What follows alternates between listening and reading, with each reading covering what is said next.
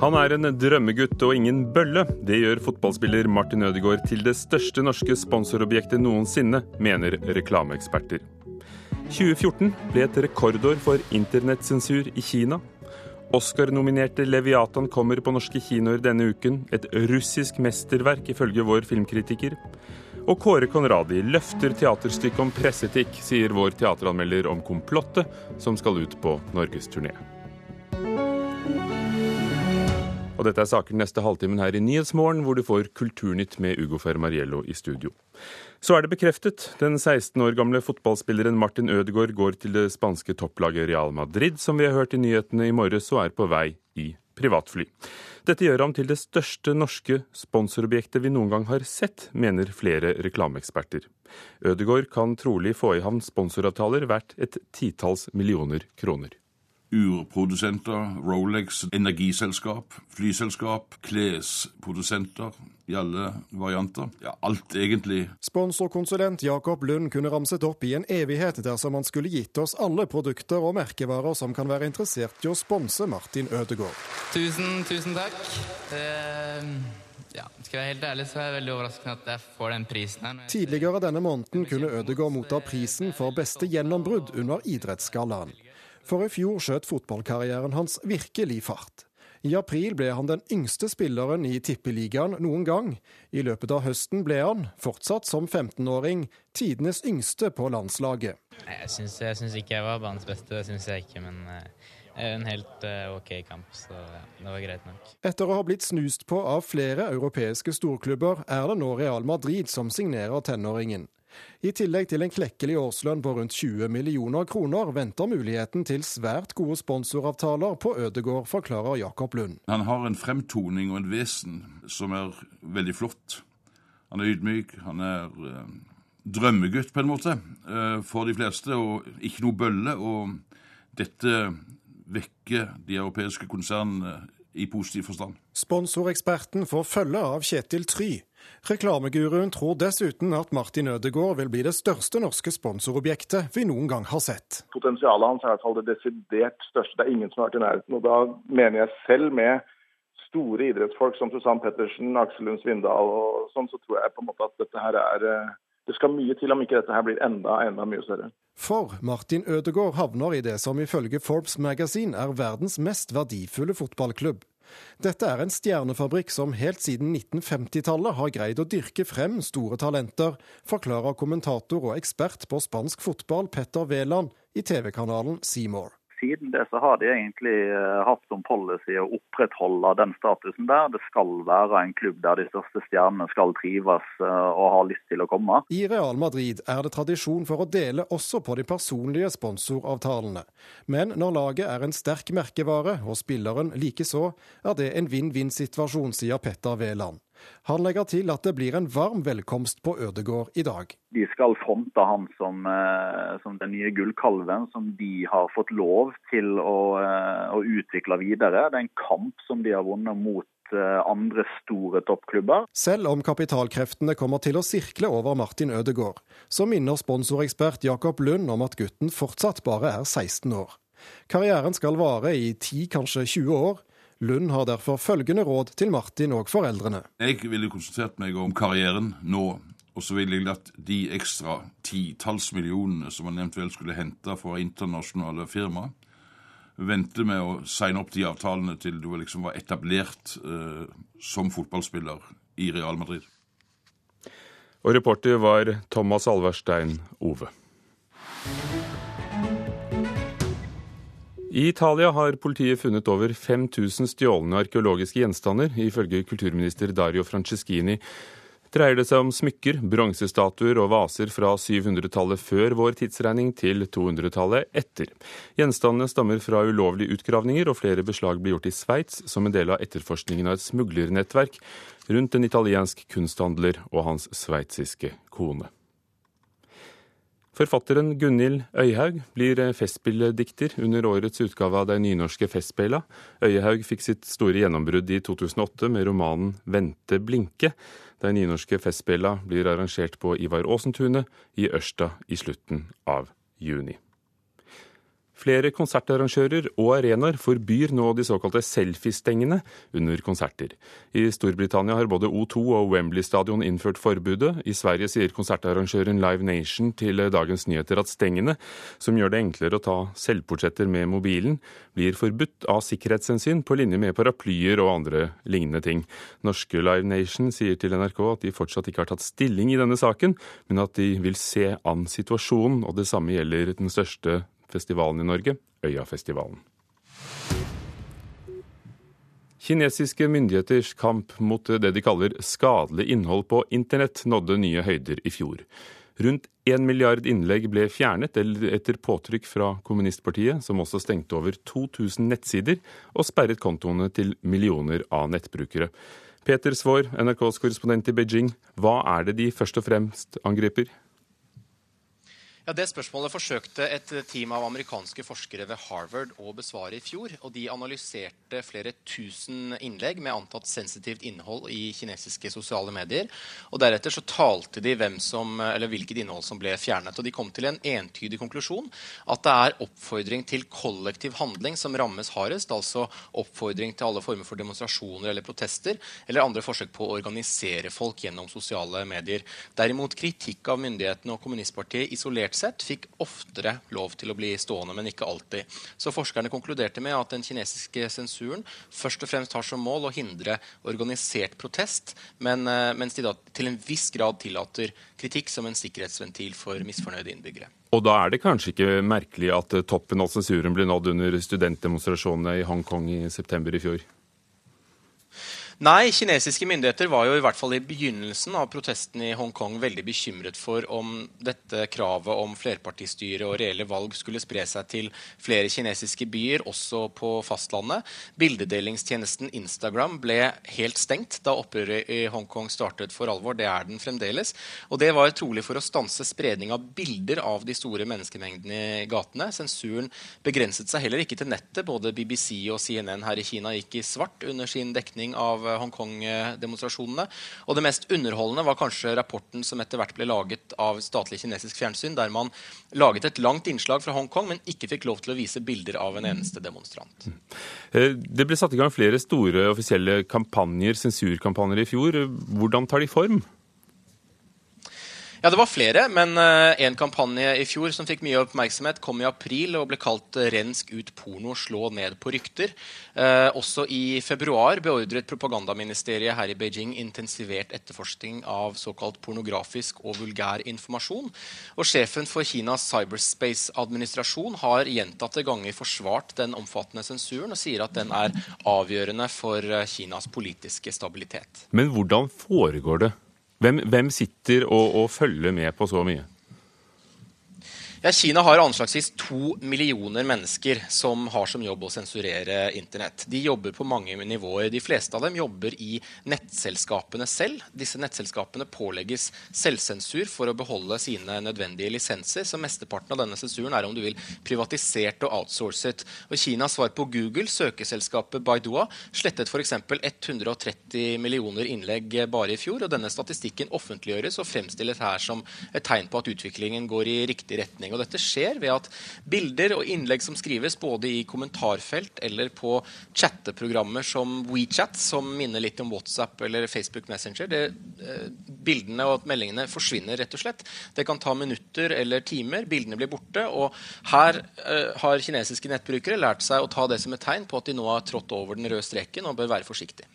Og Dette har jo vært tema når det er snakk om eh, hvorvidt utenlandske selskaper skal, eh, skal, være aktive i Kina. For til tross for disse voldsomme kampanjene så har ikke myndighetene eh, fått nok. De kalte inn i helgen til et nytt møte med de store nettstedene. Hva, hva ble beskjeden til dem?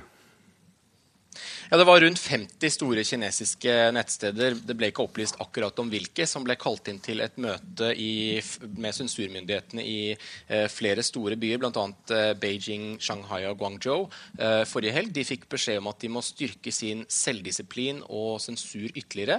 Eh, og det statlige medier her også de siste dagene har fremhevet som et problem, er korrupsjon internt i disse nettselskapene. og Det går ut på at folk eh, internt i selskapene tar imot bestikkelser for å fjerne fjerne innlegg og søketreff også fra konkurrerende firmaer. Så dette har sånn sett mange sider. Takk, Peter Svår, vår korrespondent i Kina. En av sesongens store filmopplevelser, sier vår anmelder om Leviatan. I går fortalte vi Kulturnytt om hvordan russiske myndigheter har forsøkt å presse kinoene til ikke å vise den. Leviatan er den fjerde filmen av regissøren Andrej eh, Segnetsvev som kommer på kino i Norge. Blant de fire tidligere filmene er forvist, og der hadde norske Maria Bonnevie en hovedrolle. Leviatan fikk både Golden Globe og den er nominert til en Oscar. Vel fortjent, ifølge Einar Gullvåg Staalesen. Leviatan er det nyeste mesterverket til Andrej Zegentsev. Han tegner et familieportrett og analyserer et samfunn. Det er enkelt forklart og komplekst satt sammen. Jeg vet ikke om jeg har sett en så treffende sluttsekvens. Du får se den selv. Ser du filmen, blir du mange inntrykk rikere. Filmen er mislikt av både makten og kirken. Det er et godt tegn. Segensev rammer bedre enn konsulenten ante da de fikk manuskriptet til vurdering og ga toppregissøren statlig finansiering.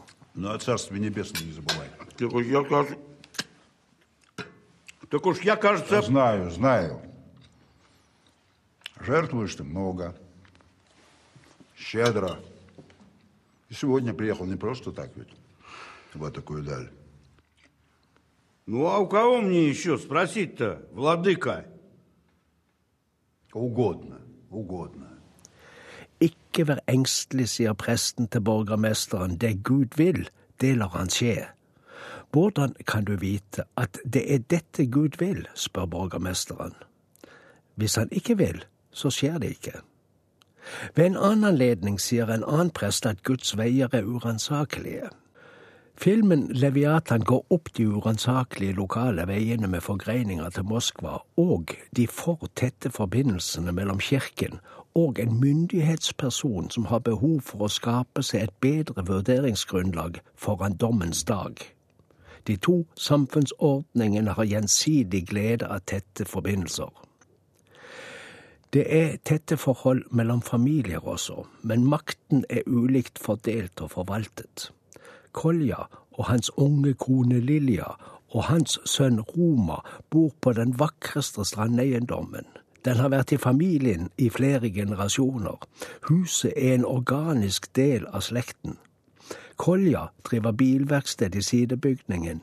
Lilja skjærer filet på fiskemottaket. Roma er elev på skolen. Borgermesteren vil ekspropriere den fine eiendommen deres. Han vil det sterkt. Han vil ha fremskritt. Ærlig spill varer ikke lengst, sier filmen. Меня, запомни! Козел, блядь! У тебя никогда никаких прав не было! Нет и не будет! Куда пошел? Послушайте, vi hørte fra et nattlig møte mellom borgermesteren og Kolja på Koljas trapp. Borgermesteren er full øst. Vi er i en fjordarm ved Barentshavet. Noen vrakede fiskebåter stikker opp av vannflaten. De gir en dyster tilstandsrapport. Men bildet av dem er vakkert. Det er utrolige kontraster i skjønnheten her. Og til skjønnheten. Hvert eneste bilde er et fyldig kapittel i beretningen om samfunnet og menneskene. Andrej Zegentsev treffer presist med alle sine filmer. Inntil nå har han satt russiske sjeler inn i sammenhenger uten å plassere ansvar utenfor familien. Nå sikter han på noen, og noe i omgivelsene.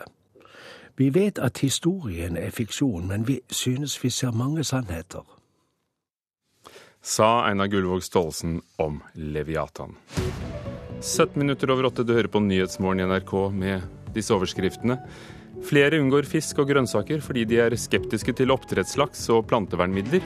Vitenskapskomiteen for matvaretrygghet mener det er liten grunn til bekymring. Mange eiere av norske bedrifter er skjult for offentligheten. Det kan åpne opp for korrupsjon, advarer jusprofessorer. Og senere i Kulturnytt om en filmopplevelse som blir sjeldnere og sjeldnere, men som kan sees i Oslo i to uker fremover, nemlig 70 mm-filmer. Riksteatret inviterer redaktører etter hver forestilling for å snakke om presseetikk når de setter opp stykket Komplottet. Komplottet er britisk teater av en av de mest kjente forfatterne for tiden, og handler om nettopp presse, etikk og kjendiseri. I går var det premiere i Oslo, før det skal på turné over hele landet. I hovedrollen som talkshow-vert Kåre Conradi. Jeg ser at dere sitter og dytter i dere taco til den store gullmedaljen. Ok, Er dere klare for å få Barry rett hjem til dere og rett opp i sofaen? Nei, altså helt seriøst, Jeg kan jo ikke se dere gjennom kamera, og helt ærlig talt så gidder jeg ikke å komme hjem til dere heller. for å være ærlig, Og ikke liker jeg taco heller. Nei, men jeg gjør, Jo, nei, jeg liker taco. Jeg liker taco hvis det er kyllingkjøtt. Jeg elsker kylling. Jeg elsker høne. Karin Frøsland Nystøyl, teaterkritiker her i NRK. Hva hørte vi? Her hørte vi Kåre Kronradi som eh, talkshow-verten Barry. Han sitter på et hotellrom, og så ser han gjennom opptak av seg sjøl fra forrige sending. Han er på turné, og fra hotellrommet sitt så har han panoramautsikt over Barcode-rekka i Bjørvika. Så dette er ett etter, etter, sendetid, etter showtime, og han er privat, ser, går gjennom opptakene og kikker, og virker som en litt uh, ensom mann. Og dette er da henta fra starten av stykket. Snart får han besøk, og da snus uh, hverdagen hans på hodet. Hva handler det om deretter? Dette besøket han får, det er av to eh, personer som utgir seg for å komme fra en privat bank og vil gi han gunstige lån. Ehm, det de i virkeligheten er, er to gravende journalister som nå forsøker å få han utpå. Det klarer de, og de klarer gjennom et spill, gjennom å utgi seg for å være noe helt annet enn det er, å få han til å innrømme ting han aldri ville ha innrømt offentlig, til å begå handlinger han kanskje aldri ville ha gjort. Så har de samla alt på teip, og så konfronterer de han med dette for å få skupe det intervjuet med den angrende angrende synderen. Eh, og dette er det, det, det, er dette det handler om i Joe Penhall sitt stykke. Så det handler om kjendiseri, og det handler om presseetikk, og ikke minst om at disse to journalistene er ulver i fåreklær. Eh, og det interessante blir når samspillet mellom pressefolkene og kjendisen eh, kommer til det punktet at kjendisen gjør, gjør, kommer til et lite motangrep. Han sier 'hallo, privatlivets fred, dette, dette skal jeg hegne om'. Da utvikler seg spenning i stykket. Joe Pennell var en av de unge, lovende, eh, litt bølte britiske dramatikerne. Nå er han jo ganske etablert, men stykket er skrevet i England, det er nesten ti år gammelt. Er det relevant for mediehverdagen vår? Det er alltid relevant å diskutere presseetikk. Eh, vi kan jo bare lese sakene som florerer om fotballfrue, f.eks. Og det er klart at eh, de metodene som disse to journalistene, spilt av Ulrikke Døvigen og Tov Sletta, de metodene de bruker er jo ikke representative, selvfølgelig, for norske journalister i dag. De går langt i å presse Barry i, på dette hotellrommet.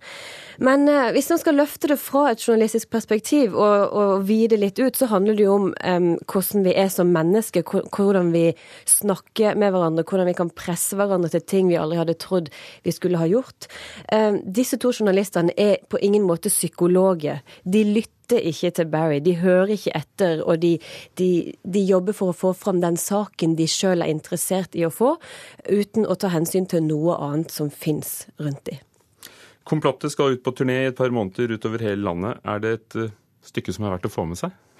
Det er et interessant stykke fordi det handler om presseetikk, og fordi det kan relateres til, til hvordan vi sjøl bruker mediene, og hvordan mediene ja, oppfører seg, bruke oss, og hvordan det jobbes. Det er alltid godt å ta den debatten.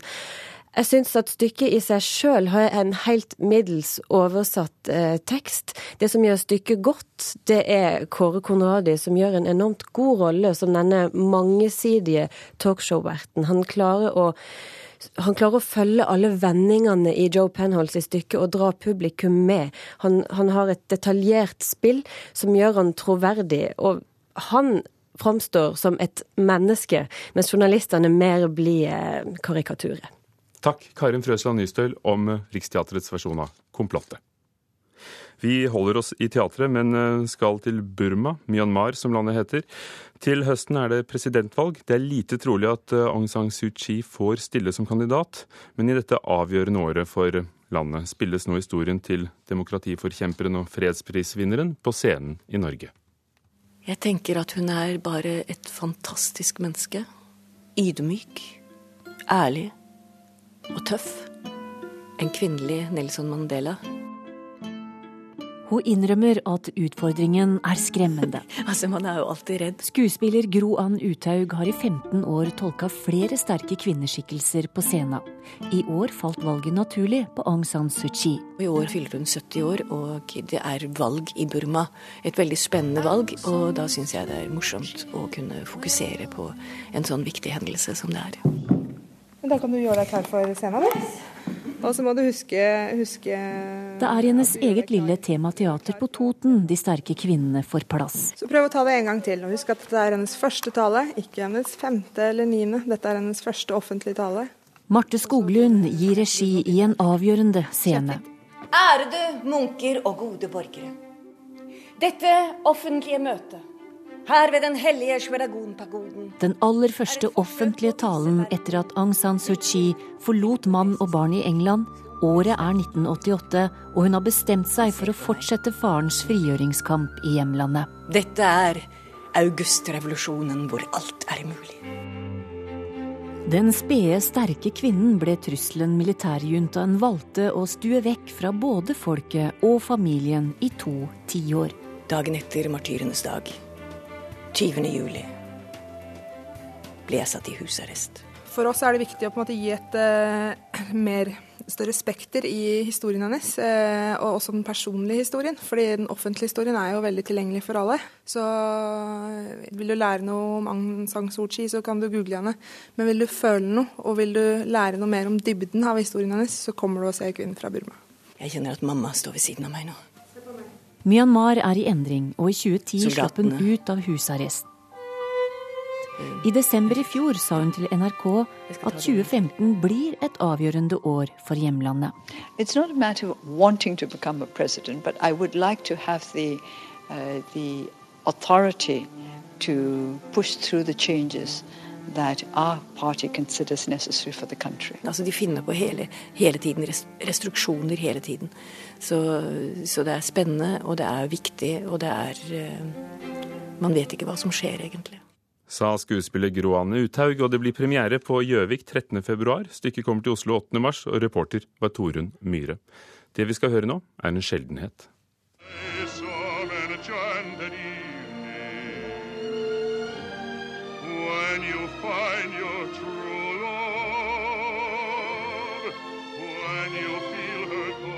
Musikalen South Pacific fra 1958 befinner seg nå i Oslo som film på 70 mm-ruller, og den er en del av 70 mm-festivalen som starter i morgen på Cinemateket. Jan Eberholst Olsen, eh, hvor vanskelig er det å få tak i en film som denne nå?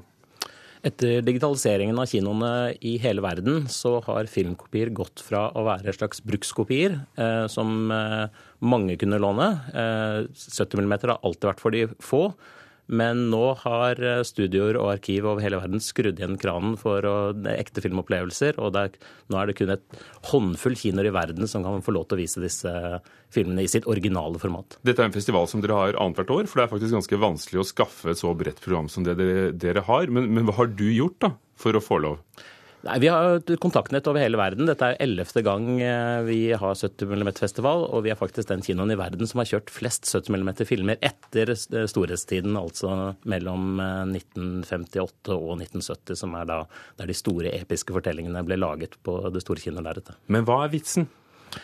70 mm er en, en, det er et klart bilde. Det, måte, mm, det, ser nesten ut som en tredimensjonal effekt uten eh, de dumme 3D-brillene. Eh, du bør ikke være teknisk interessert for å nyte en 70 mm-film. Det er det som er så fine med det. Hvis du er teknisk interessert, så tenker man wow, dette er jo helt fantastisk. Men for en publikummer så er det ingen filter mellom mellom dem som, eh, som opplever filmen i salen og, og lerretet.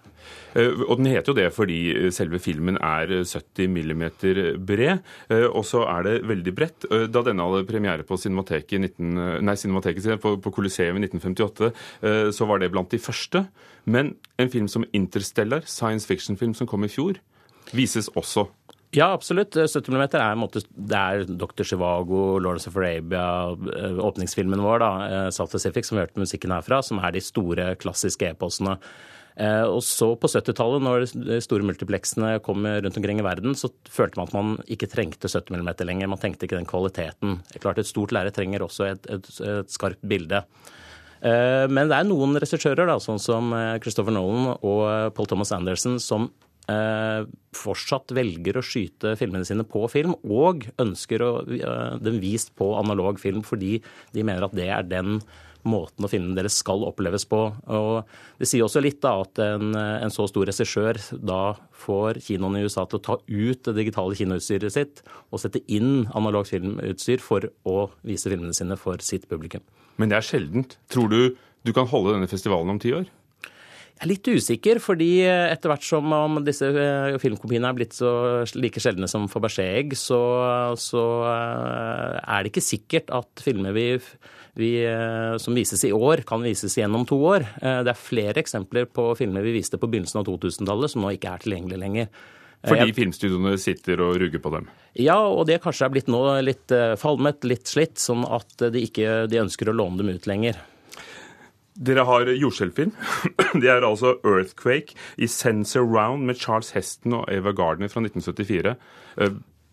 Mandag kveld så ruller vi inn flere tonn med dypasshøyttalere for å få kinosalen vår til å riste. Eh, er det sant at kuppen på Coliseum kino i Oslo revnet at denne ble vist eh, på premieren? Ja, det fikk en, fikk en revne, at den revnet gjorde den ikke, men det lydtrykket var så sterkt at, eh, at man var redd for at kuppelen skulle rase sammen. Det gjorde den heldigvis ikke.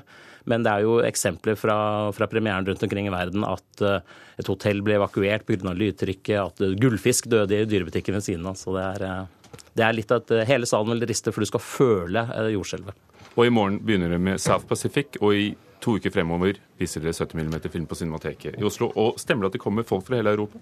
kommer folk fra tre, fire, fem forskjellige land for ens ærend til Oslo for å oppleve disse filmene. Jan Everholz Olsen ved Cinemateket, tusen takk. Kulturnytt var ved produsent Andrea Kvamme Hagen. Espen Halsen, teknisk ansvarlig, og programleder Ugo Fermariello.